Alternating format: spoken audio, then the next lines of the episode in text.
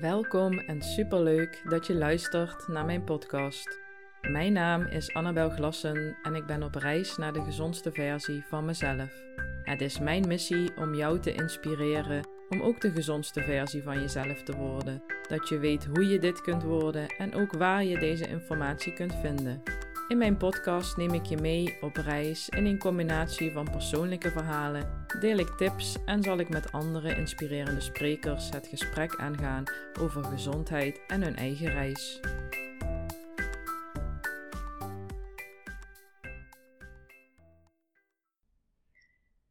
Voor mijn derde podcastaflevering heb ik een hele leuke spreker te gast. En ik vroeg een tijdje geleden op Insta in mijn stories uh, welke sprekers ik uh, allemaal zou moeten uitnodigen uh, om mee in gesprek te gaan. En um, toen heeft Melita zelf een berichtje gestuurd dat ze wel heel graag met mij het in gesprek wilde gaan, maar dat zei ze best voorzichtig. En wat Melita nog niet weet, is dat er twee andere mensen waren die ook haar naam aan mij hebben doorgegeven. Um, en ja, ik ben echt super blij dat zij helemaal vanuit de Randstad hier naar het zuiden is gereden om ons te vertellen over shiatsu-therapie. En ja, super leuk dat je hier bent. Dankjewel. Welkom. Dankjewel, dankjewel. Leuk, heel leuk. Zou je misschien aan onze luisteraars willen vertellen hoe wij ons ontmoet hebben? Zeker, ja. Ik ken jou vanuit uh, het jaarprogramma van Linde, van Embodied Leadership. En daar hebben we elkaar ontmoet. En uh, ja, een heel tof programma ook, waarin we zitten. Met uh, retretes die we bijna elk weekend eh, of elke maand hebben. En daar uh, ken ik jou van, ja. Zeg, vertel eens, hoe is jouw reis gestart als shiatsu-therapeut? Hoe kom je tot zoiets? Want ik had zelf nog nooit van de term gehoord. Nee, veel mensen zeggen dat inderdaad. Um, ik ken het persoonlijk van mijn moeder, omdat mijn moeder had in het verleden een dubbele whiplash in de nek. En zij uh, was toen bij de fysio geweest, bij nou, hè, chiropractor, van alles om proberen te verhelpen, maar niets, niets hielp. En toen is ze bij shiatsu-therapie terechtgekomen en dat hielp haar. Dus vandaar dat ik het ken. En toen uh, vanuit mezelf uh, ben ik eerst in de zorg aan het werk geweest. In een verpleeghuis, maar ook in het ziekenhuis.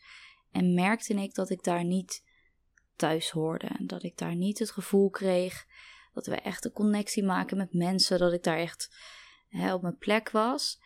En toen kwam ik eigenlijk bij Shiatsu. En toen ben ik daar naar een open dag geweest. En daar heb ik echt gevoeld vanuit mijn lijf wauw, ja, dit is het en dit wil ik echt doen. Dus zo ben ik bij uh, Ziatsu terechtgekomen. Wat leuk dat je dus ook vanuit de reguliere zorg de overstap hebt gemaakt naar meer de alternatieve gezondheidszorg. Um, ja, de laatste aflevering van mijn podcast die uh, uh, ik met Malou heb opgenomen, daarin vertelt zij ook uh, hoe zij die overstap heeft gemaakt. En ik ben natuurlijk zelf als ergotherapeut en ademcoach ook vanuit de reguliere gezondheidszorg meer naar de alternatieve kant gegaan. Ja. Um, want wat deed jij in de reguliere gezondheidszorg? Je zei je, je werkte in een verpleeghuis. Ja, klopt. Ja, ik ben eerst um, ehm, HBO-opleiding gedaan, medisch beeldvormende en radiotherapeutische technieken. Hele mond vol ja. altijd. ja. Maar dan word je opgeleid tot drie afdelingen in het ziekenhuis uh, radiologie, radiotherapie en nucleaire geneeskunde. En daar merkte ik bijvoorbeeld, als ik röntgenfoto's moest maken van mensen, had ik letterlijk vier minuten per patiënt. En dan moest ik alweer naar de volgende. En toen heb ik echt wel meegemaakt dat je dan mensen die niet hun eigen veters kunnen strikken, moet je toch in het hokje weer sturen. En je kon niet, het was geen het voelde voor mij niet als menselijk contact. Het was meer hè, lopende bandwerk. Ik werd meer gezien als een soort uh, biologische machine. Die, uh, ja, waar lepeltjes op werden geplakt. En waar altijd hè, bij elke klacht weer medicatie komt. En niet gekeken wordt naar de diepere laag. En daar was ik echt heel erg in geïnteresseerd. En toen werd ik ook, kreeg ik die hè, spirituele wakkerwording, zoals ze dat noemen. En toen ben ik echt verder gaan kijken. En toen is mijn perspectief heel erg verbreed en veranderd. En zo ben ik uh, terechtgekomen bij Shiatsu. Dat is echt heel mooi, ja. Ja, dat klinkt als een hele reis. Zou je ons willen vertellen wat shiatsu dan eigenlijk betekent? Wat je eigenlijk doet als shiatsu-therapeut? Zeker, ja. Um, als shiatsu-therapeut kijken we naar de mens op een holistische manier. En dat doen we door middel van de twaalf meridianen. En de twaalf meridianen zijn eigenlijk energiebanen in jouw lijf, maar verbonden aan alle functies die je als mens hebt. Dus de keuzes maken bijvoorbeeld, maar ook alle functies als emoties en uh, de weefsels in je lijf. En zo diagnosticeren wij eigenlijk op de Oosterse manier jouw klachten. Dus uh, we kijken op een uh, mooie manier met aanraking um, naar de energiebanen. En dan voelen we, oké, is hier bijvoorbeeld veel energie aanwezig of weinig? En wat zegt dat ten opzichte van elkaar? En zo behandel ik jou dus ook. En ja, zo kom ik eigenlijk tot diepere lagen. Dat vind ik een hele mooie manier. En wat ook belangrijk is om te vermelden, is dat wij als shiatsu-therapeuten hebben geleerd om te werken vanuit ons centrum, vanuit Hara. Want in het Westen hier hebben we eigenlijk heel erg geleerd om vanuit je hoofd te leven. Dus keuzes te maken vanuit je hoofd. Uh, de hele dag bezig te zijn hè, met uh, gesprekken, met keuzes maken. En niet meer uh, aanwezig te zijn in je lichaam. En in de Shiatsu-opleiding leer je dus echt vanuit je lijf weer te werk gaan. En als je dus iemand aanraakt vanuit jouw centrum in plaats van vanuit gewoon spierkracht, is dat een hele andere aanraking en kom je echt tot die diepere lagen. En we werken dan met loodrechte druk. En dat betekent dat je dus niet um, iemand schuin aanraakt, waardoor eigenlijk maak je dan geen echt contact met iemands centrum. Dus je maakt ook letterlijk weer contact met iemands centrum door loodrecht aan te raken. En we doen ook eigenlijk niet normale massage, we doen meer uh, op één plaats aanhoudende druk houden. En door aanhoudende druk kan jouw lijf ontspannen doordat je tijd krijgt om je aan te passen aan de druk die ik geef. En dan kan jij, hè, dan kan ik jou coachen, kan ik jou zeggen, hè, adem er maar naartoe. En dan kan die pijn die je vaak voelt bij zo'n punt zelf ontspannen. En dan spreek ik echt dat zelfherstellend uh, vermogen aan. Dus, dus het is, ook eh, belangrijk dat de cliënt, zeg maar, dan ook uh, accepteert dat het ook gevoelig of pijnlijk kan zijn. En dat diegene dan ook echt uh, ja, op zijn ademhaling gaat letten om er doorheen te bewegen. Ja, zeker. Heel belangrijk stuk. Dus het is ook een soort samenwerking die je als therapeut en cliënt dan met elkaar hebt. Zeker, ja. Ja, wat een mooi, mooi. Goed hoe je dat ook uitlegt. Ja, fantastisch. Dank je, ja. Ja, ja is echt, uh, ik vind het ook heel leuk, ja. en voor wie zou je dit dan aanbevelen?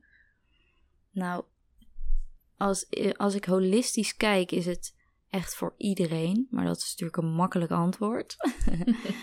Maar meeste mensen die ik krijg zijn hè, de mensen vaak met ingewikkelde klachten.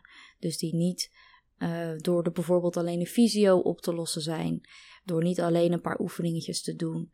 Dus meer de diepgaande klachten. Hè, mensen met een burn-out of depressies of um, nou, noem het maar op. Het, het is wel holistisch, dus het is echt vanuit um, de kijk ook Bijvoorbeeld vanuit de vijf lichamen, wat ik ook heb geleerd. Je hebt dus een lichamelijk lichaam, fysiek. Je hebt een mentaal lichaam met je gedachten. Je hebt een emotioneel lichaam, hè, alle emoties die door je heen gaan. Je hebt een energetisch lichaam, spiritueel lichaam. En je hebt ook nog een universeel lichaam. En hè, die is altijd een, die is meer de connectie met het al. En door zeg maar, die um, alle klachten die eigenlijk in die lichamen voorkomen, kan ik behandelen, omdat het allemaal verbinding heeft met elkaar. Ja, het zijn mooie vijf pijlers die je benoemt, want ik gebruik ze eigenlijk ook altijd in de praktijk.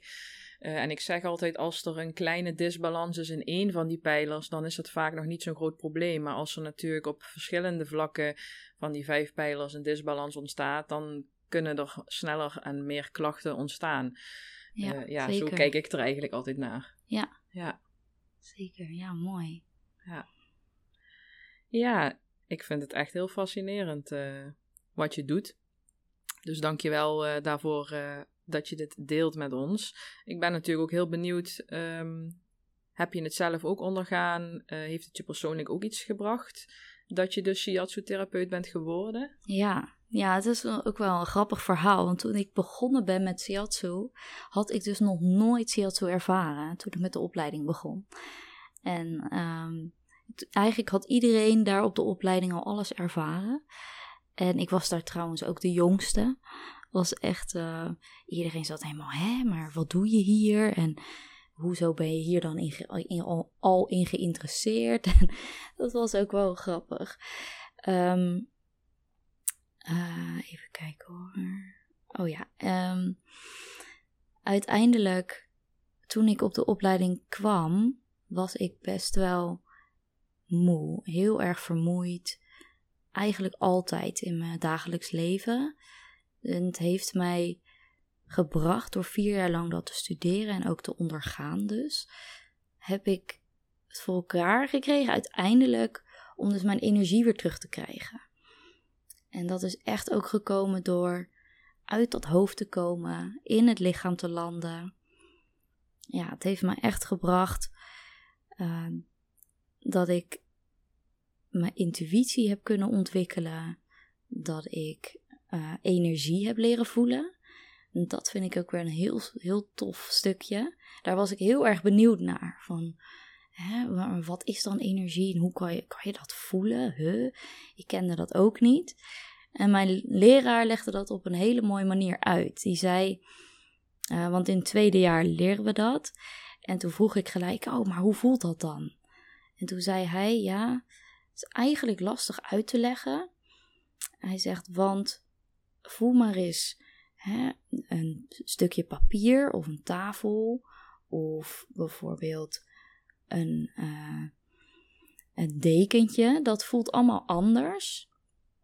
En zo is, ook, zo is het ook met energie. Dus als je het eenmaal voelt, dan weet je het. En in principe kan je al energie voelen. Je moet alleen nog jezelf leren vertrouwen dat je het kan. En dat ging, daar ging het hele jaar over. En dat was heel mooi. Dat heeft mij ook heel veel zelfvertrouwen gebracht, letterlijk. En het klinkt ook alsof het heel praktisch was. Ja, Ja, En zeker. Ik, ik hoor je net ook zeggen, eh, het tweede leerjaar, dus het is ook een, een hele lange opleiding eh, Ja. die je hebt gevolgd. Zeker, ja. Het duurt vier jaar, de Oh. opleiding. Ja. ja, in het eerste jaar leer je eigenlijk de basis. Dus hoe beweeg je, wat voor technieken kan je allemaal toepassen? Want we werken met ehm, eh, eigenlijk in principe dus de druk vanuit de duimen op de meridianen. Maar het kan ook met de platte hand zijn. Je leert ook stretchen, je leert mobiliseren, kloppen op de juiste manier, zodat de energie of de ki, zoals ze dat noemen, eh, activeert. En een soort wakker wordt, zoals ze dat noemen.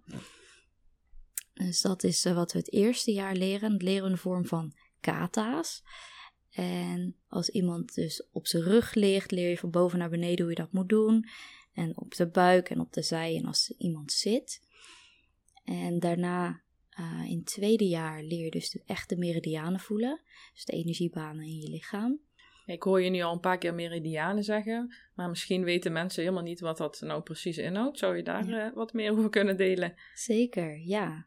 Ja, meridianen zijn dus, eh, wij leren er twaalf. En dat zijn, die zijn gekoppeld aan de organen in je lichaam. En dat zijn eigenlijk de energie van de functies van die organen. Dus je hebt de levermeridiaan, de galblaasmeridianen, zo heb je allerlei. En die stromen eigenlijk door jouw lijf. En bijvoorbeeld de lever is gekoppeld aan emotie woede. hè, iets op je lever hebben. En levermeridiaan is gekoppeld aan de galblaasmeridiaan. Hè, galspuwen heeft ook te maken met woede. En zo wordt eigenlijk alles in je lijf gekoppeld aan elkaar.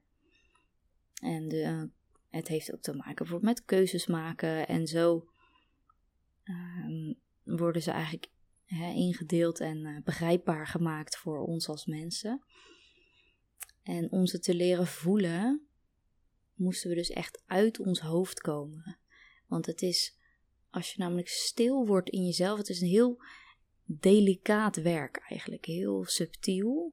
En als je dus heel rustig en stil wordt en helemaal in je buik zakt, in je centrum zakt, dan ga je ineens iets voelen stromen. Dus het voelt echt een soort elektriciteit of als een rivier die stroomt. En uiteindelijk, ja, als ik nu zelfs bepaalde stenen aanraak, het klinkt misschien heel uh, gek, maar dan voel ik of die steen geladen is of niet, of er echt energie in zit. En dat, uh, dat leer je in het tweede jaar. Ja, heel bijzonder. Ja. Lijkt me, lijkt me heel interessant om te ervaren. Ja, zeker. zeker als je daar nog niet zoveel ervaring van tevoren mee hebt uh, opgedaan, of het nog niet zelf hebt mogen ervaren. Ja. Ja. Ja. Zeker, ja. En in het derde jaar uh, leren we over de diagnosevorm van Oosterse geneeskunde. En die gaat echt over um, hoe je iemand. Je kan iemand observeren. Hoe zit diegene erbij? Hoe is de houding van het lijf? Maar ook de kleur van je gezicht of van je, je huidskleur. En ook de vormen hebben allemaal te maken met de meridianen. En uh, daarna leren we ook hoe je dus iemand aanraakt en wat je dan kan voelen en welke vormen er zijn uh, om daar hè, iets, van te, iets van te brouwen uiteindelijk. Om te kijken hoe je iemand kan behandelen. En dat is meer het vierde jaar. Daarin ga je echt in een soort deep dive van het behandelen en alle. Dan leer je nog wat extra mobilisaties. En is echt verdieping van alle stof. Ja. Ja, heel mooi hoe, hoe je ook uitlegt, zeg maar, het verschil tussen de westerse en de oosterse geneeswijze. Want die verschilt nogal behoorlijk van elkaar. Ehm, dat zal mede natuurlijk ook wel een reden zijn geweest dat je vanuit de reguliere zorg liever ehm, richting de oosterse geneeswijze, zeg maar, gegaan bent. Zeker, ja. ja. Ja, dat klopt. Ja, en ik vind ook de oosterse manier van kijken gewoon heel volledig en heel natuurlijk. En ook um, Eigenlijk is het verschil dat in het Westen hier kijken we meer vanuit logica en meer vanuit, uh, uh, vanuit het scheiden. Dus je gaat kijken, hè, allerlei concepten maken we, allerlei labels plakken we, we halen alles uit elkaar om, om er iets van te maken. En bij de holistische kijk in het Oosten komt meer juist alles bij elkaar. En daar. ja, ehm, alles is immers met elkaar verbonden. Precies. Ja. En dat is, uh, ja, dat vond ik heel belangrijk ook zelf om me als, om gezien te worden als een geheel mens. En niet gewoon hè, als een labeltje. En dat vind ik heel mooi vanuit uh, Shiatsu. een hele andere manier van kijken, inderdaad. Ja, want mensen zijn niet hun ziekte of aandoening. Hè? Soms hoor je het, ja, die, die man met die ADHD bijvoorbeeld of whatever. Um, en dan wordt daar heel erg de nadruk op gelegd. En, uh, hè, en dan ook erbij gezegd van wat allemaal wel en niet gaat. Ah, omdat dat dan bij de ADHD hoort. Uh, maar er is zoveel meer. Hè? Waar komt het vandaan? Uh, hè? Wat maakt dat, dat je dat label erop wilt plakken? Uh, of kun je ook kijken gewoon naar de mensen in zijn geheel en ja, op een andere manier gewoon ermee omgaan? Ja, en dat, dat zie je ook met bijvoorbeeld diagnoses van uh, hartstilstanden komt vaak, hè, uh, zien mensen vaak als een bepaalde aandoening waar je dan niks aan zou kunnen doen. Maar meestal als je kijkt naar het leven van diegene en ziet hoeveel stress er in het leven was, en dan komt er vaak zo een chronische ziekte of uh, het is meer een uiteindelijke opstapeling van bepaalde stress. En stress is ook wel een bepaalde, bepaald concept dat we misschien even kunnen uitleggen. Omdat vaak zien mensen stress als uh, iets ver, een vervelende, uh, een vervelend gevoel. Of, uh, maar eigenlijk is stress betekent letterlijk dat je um, niet uh, in balans bent. Dus als je alleen al een bepaald eten tot je neemt, dan krijg je, en, en dat eten sluit niet aan bij jou op dat moment, krijg je lichaam al een stressreactie. En dat hoeft maar heel klein te zijn.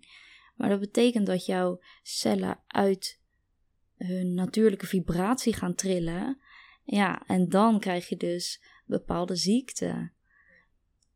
En het mooie vind ik hiervan, wat je eigenlijk zegt, is dat stress veel meer is als alleen maar het drukke leven wat we hier in de westerse wereld heel erg hebben en de vele uh, social media gebruik en dat soort dingen. Uh, want stress voor het lichaam kan dus ook zijn allerlei producten die we gebruiken, die we op ons lichaam smeren. Uh, hè, onze shampoos, ja. douchegels, noem maar op, deo's, parfums. Ehm, die kunnen ook voor verstoringen in ons lichaam zorgen. En die kunnen ook daar een bepaalde stressreactie in ons lichaam ja, opwekken. En dan kan het lijken alsof je aan de buitenkant je leven heel erg uh, in balans hebt gekregen. Hè, door middel van meer ontspanning toe te passen. Of uh, lekker de natuur in te gaan of iets anders. Maar ja, als je dan aan de binnenkant, hè, dus je lichaam bijvoorbeeld voedt met slecht eten. Of inderdaad wat ik zeg, um, allerlei producten tot je neemt. Of op je smeert. Uh, dan, ja, dan heb je alsnog die stressprikkel. Ja zeker. Dat is wel mooi dat je dit nog even toevoegt. Ja. Ja. Zeker, ja. Ik vind het ook heel mooi om, uh, om te zien uh, van jou ook, hè, dat je er zo mee bezig bent en zo bewust wordt van alles wat het doet. En ja, ik vind ook via de Japanse manier kijken ze eigenlijk met vier levensactiviteiten naar gezondheid. Dus ze kijken door middel van ademhalen, eten, bewegen en denken hebben zeg maar invloed op jouw gezondheid. En dat vind ik wel heel uh, ook een mooie manier. Dus wat je zegt, hè, wat je tot je neemt, kan een stressprikkel geven. Maar ook de manier waarop je ademt of een bepaald gedachtepatroon dat je als kind bijvoorbeeld hebt aangeleerd. Dat is ook een heel groot thema geweest voor mij de afgelopen jaren om hè, daarin uh, heel veel onderzoek te doen in mezelf. Dus het is echt een hele reis naar binnen. Is, uh, Zou je daar wat meer over willen durven delen, als ik het zo vraag? Zeker, ja. Ja, ik ben um, erachter gekomen het afgelopen jaar. Toen heb ik ook een burn-out gehad. En mijn burn-out was eigenlijk een hele lange periode. Uh, een opstapeling van uit, stress vanuit gedachtepatronen. En die patronen kwamen vanaf kinds af aan eigenlijk uh, bij, bij, mij. En het komt ook vooral door mijn verleden, bijvoorbeeld met turnen. Toen heb ik heel erg uh, geleerd dat je vanuit prestatie jezelf moet bewijzen. En het was nooit goed genoeg, het moest altijd beter. En zo hè, kwam ik eigenlijk in de patronen van altijd maar beter. En in de perfectionisme daarin. En doorgaan. Doorgaan, doorgaan, doorgaan. Heel herkenbaar natuurlijk voor mij ook, ja. Ja, en ook eh, niet meer kunnen ontspannen. Dus ook um, op een gegeven moment toen ik ook hè, een soort uh, spiritueel wakker werd, zoals we het noemen, kreeg ik de heel erg de drang om dan die zen master te worden. En die Zen Master was dan iemand die dus uh, alleen maar mediteert de hele dag.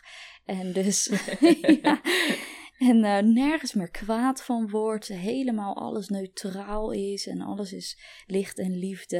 En zo kwam ik uiteindelijk. Uh, was ik dus heel streng voor mezelf. En was ik heel erg van, oh, ik moet hè, boeken lezen. Ik moet um, altijd met shiatsu bezig zijn. Ik moet, dus ik was zeg maar um, mezelf bijna aan, ook aan het straffen als je dat dan niet deed. En uiteindelijk kwam ik erachter, oh, maar wacht, ik ontspan helemaal niet meer. Want dan kom je in zo'n trein van go, go, go. En ja, dat zorgde er eigenlijk voor die gedachtenpatronen en alles dat ik dus ook in die burn-out kwam. Het uitte zich bij mij in blaasontstekingen en paniekaanvallen. En dat was wel, uh, dat was ook een hele heftige periode voor me geweest. Maar wel, um, ik kan me nog heel goed herinneren, ik was op werk. Um, want ik werk ook nog naast mijn shiatsu in de zorg als begeleider. Um, en daar was ik, uh, kreeg ik een paniekaanval na een vergadering omdat het heel erg ging over mij en hoe ik met de bewoners omga. En de dingen die daarin beter zouden kunnen. En toen eindigde ik na die uh, vergadering echt op het toilet. Helemaal. Uh, ik was alleen maar aan het huilen. Ik, ik was, ja, ik hield het niet meer. Ik kon niet meer werken. Ik was helemaal de weg kwijt.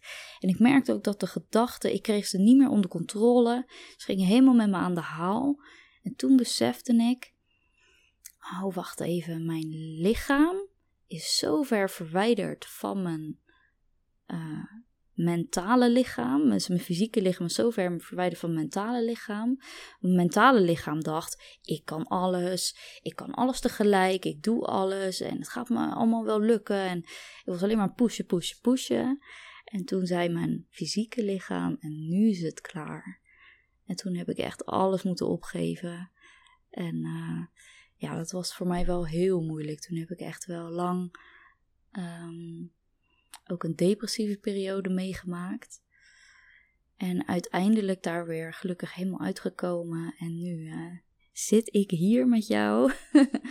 Wat knap dat je dit open, openlijk durft te delen. Want het is natuurlijk een hele kwetsbare periode voor jou geweest. En, uh, dus in ieder geval alvast dank je wel dat je ja. ja. daar open over bent. Um, ik denk dat dat juist een hele sterke kracht is van mensen, uh, zeker van ons therapeuten, als we ook onze eigen levenservaringen en levensstukken meenemen. Uh, in onze behandeling, in onze zienswijze. Um, ja, ik denk dat dat alleen maar uh, heel krachtig uiteindelijk is. Zeker. En je hebt er ontzettend veel van geleerd, van die burn-out depressiefase noem ik het even. En uh, ja, we zien natuurlijk ook vaak dat burn-out en depressie samengaan. Hè? Die, die gaan vaak hand in hand. Um, dus ja, dankjewel daarvoor. Um, nu is het nog zo dat uh, de winterperiode ja, er volop aan aan het komen is. Hè? We hebben weer de donkere dagen. Afgelopen weekend is het. Um, is de, of laatst is de klok teruggezet. dus we, ja, we gaan nu weer de donkerte in. Ja. Heb jij um, voor onze luisteraars tips of adviezen die je mee kunt geven, waar mensen gewoon al mee aan de slag kunnen gaan, uh, nog voordat ze eventueel een shiatsu-behandeling bij jou komen doen? Zeker, om zelf uh, mee aan de slag ja. te gaan. Nou, de winter is voor de, staat, heeft zeg maar connectie met de nier- en de blaasenergie. En nieren en blazen, blazen, en de blaas heeft... We hebben er maar één, toch? Precies, en de blazen. die uh, vinden het heel fijn om warmte te hebben. En de, ik, ik ben er echt de heilig van overtuigd dat je in de winter je lijf moet verwarmen met... Ik heb toen de tijd bijvoorbeeld in de burn-out, was ook in de winter. Toen, eh, toen ging ik nog koud zwemmen. en toen Ook een stressreactie ik, uh, waarschijnlijk op het lichaam precies. geweest toen. Ja. ja. ja, inderdaad. Dus dat is... Um, kijk, koud zwemmen kan heel goed zijn voor je gezondheid. Het is goed voor de weerstand en alles. Maar als je helemaal uitgeput bent, je hebt een uitgeput lijf... en je gaat dan in de kou in een bepaalde stressreactie... Hè, dan put je het nog verder uit. En ik heb dat toen omgeruild voor warme baden... En warm in bad gaan werkte voor mij echt heel goed. Met magnesium, vitamine D. En uiteindelijk uh, ruil ook je intensieve sport. Doe dat even een tandje lager. Hè. Ga meer naar binnen. De winterenergie is letterlijk naar binnen gericht. Is meer terug in de kokon, net als een zaadje in de grond. Die wacht ook de hele winter tot de lente om weer uit te komen. En als je die periode overslaat, zoals vaak hier in de maatschappij gebeurt, hè, want alles gaat 24-7 door, dan loop je dus leeg. Dus zorg ervoor dat je hè, reflectie toepast op jezelf, dat je meer naar binnen keert en dat je ja, de warmte opzoekt. Ja, en betekent dat dan ook dat je uh, meer warmere maaltijden tot je moet nemen in plaats van uh, misschien uh, koude yoghurts of de, ja, hè, wat er tegenwoordig vaak gegeten wordt. Klopt. Wat ik zelf ook wel in de zomer wel lekker vind om te eten trouwens. Ja, ja. Ja, het is echt leef met de seizoenen mee. Dat is wel inderdaad ook qua voeding. Vaak hebben mensen in het hele jaar hetzelfde. Qua ontbijt of lunch en diner. Maar het is om meer met de seizoenen mee te leven, leef je eigenlijk meer in balans met de natuur, met je eigen natuur, met de meridianen. En dan behoud je ook veel meer je gezondheid. Dus zeker in de winter warmere maaltijden. En uh, ja, dat uh, geloof ik zeker in. Dus wat warmere kleding aan, warmer douchen of baden, uh, warmere maaltijden eten, onszelf wat warmer houden. Ja. Um, dat is vooral voor de winterperiode nu jouw advies, zeg maar, aan onze luisteraars. Zeker, ja. ja. Dankjewel voor, uh, voor het delen. Ik vind het echt super leuk dat je vandaag ja, hier bent om ja, met mij deze, dit gesprek aan te gaan. Ik vind het ook heel leuk met jou, ja. Ja, als nou mensen zin hebben om een shiatsu-behandeling van jou te ondergaan, mhm. hoe kunnen ze jou dan bereiken? Nou, ik ben heel veel zichtbaar op Instagram onder melita.jansen. Um, dat schrijf je M-E-L-I-T-T-A. J-A-N-S-S-E-N. En binnenkort komt mijn website ook online. En dat zal ook zijn onder melitajansen.nl. En ik uh, heb ook een e-mailadres als je meer informatie zou willen. Ook melitajansen.gmail.com. En daarop uh, ja, kan je meer informatie krijgen over de shiatsu-behandelingen. En ik zit dus in de Randstad. Het is in uh, Koude Kerk aan de Rijn, ligt tussen Alphen en Leiden. Veel mensen kennen het niet. Maar ik doe ook uh, behandelingen bij uh, jou thuis als je het zou willen. Dat, en dat ook. mocht ik gisteren ervaren, want je bent ja. niet alleen voor deze podcast helemaal naar het zuiden afgereisd. Nee, klopt. Maar ik mocht van jou ook een shiatsu-behandeling ontvangen. En daar wil ik nog als afsluiting even kort over delen, want ik had dus totaal geen idee wat me te wachten stond. Ik had nog niet eerder van shiatsu gehoord. Um, en ik heb het echt als iets heel magisch ervaren. Um, de houdingen en bewegingen die jij ja, aannam van mijn lichaam. Maar ook de drukpunten waar je uh, ja, afging, zeg maar. En dat ik echt gewoon kon voelen waar het pijnlijker was of gevoeliger was als op een andere plek. En dat ik dan gewoon in samenwerking met jou, hè, dus jij ging erop drukken op die punten en ik ging op mijn ademhaling letten dat het gewoon echt verzachtte, dat de pijn gewoon wegtrok. En um, ja, ik, ik vond het echt een hele magische ervaring. Je hebt echt handen van goud. Dankjewel. dus het, uh, ik ben echt uh, heel erg uh, benieuwd hoe dit verder deze, ja, deze komende dagen, zeg maar, of ik daar nog verder iets van ga merken of ga van van ga ervaren. Um, je hebt ook mijn eczeem nog uh, behandeld. En um, ook daarin ervaar ik nu een stukje meer rust, zeg maar. Als in dat mijn eczeem minder aan het jeuken is. Um, ja, dus ik ben heel benieuwd. En ik vond het ook super interessant bij welke meridianen dan het bij mij iedere keer, uh, ja, als het ware pijnklachtjes uh, veroorzaakte. En dat het dan op iedere plek in mijn lichaam weer op dezelfde meridiaanplek terugkwam. Dus dat vond ik wel, uh, ja, toevallig. ja, zal een zekere reden hebben natuurlijk. Ehm, dus het is mooi om daarmee verder aan de slag te gaan. Dus dank je wel voor deze ervaring. En ja, ik kan het echt alleen maar aanraden om om meer sessies te doen. Helaas wonen wij iets te ver van elkaar vandaan. Klopt, ja. Maar als ik in de buurt ben, dan kom ik zeker langs voor een nieuwe shiatsu-behandeling. Dankjewel, dankjewel. Ja. Super mooi. Jij ook bedankt. Ja.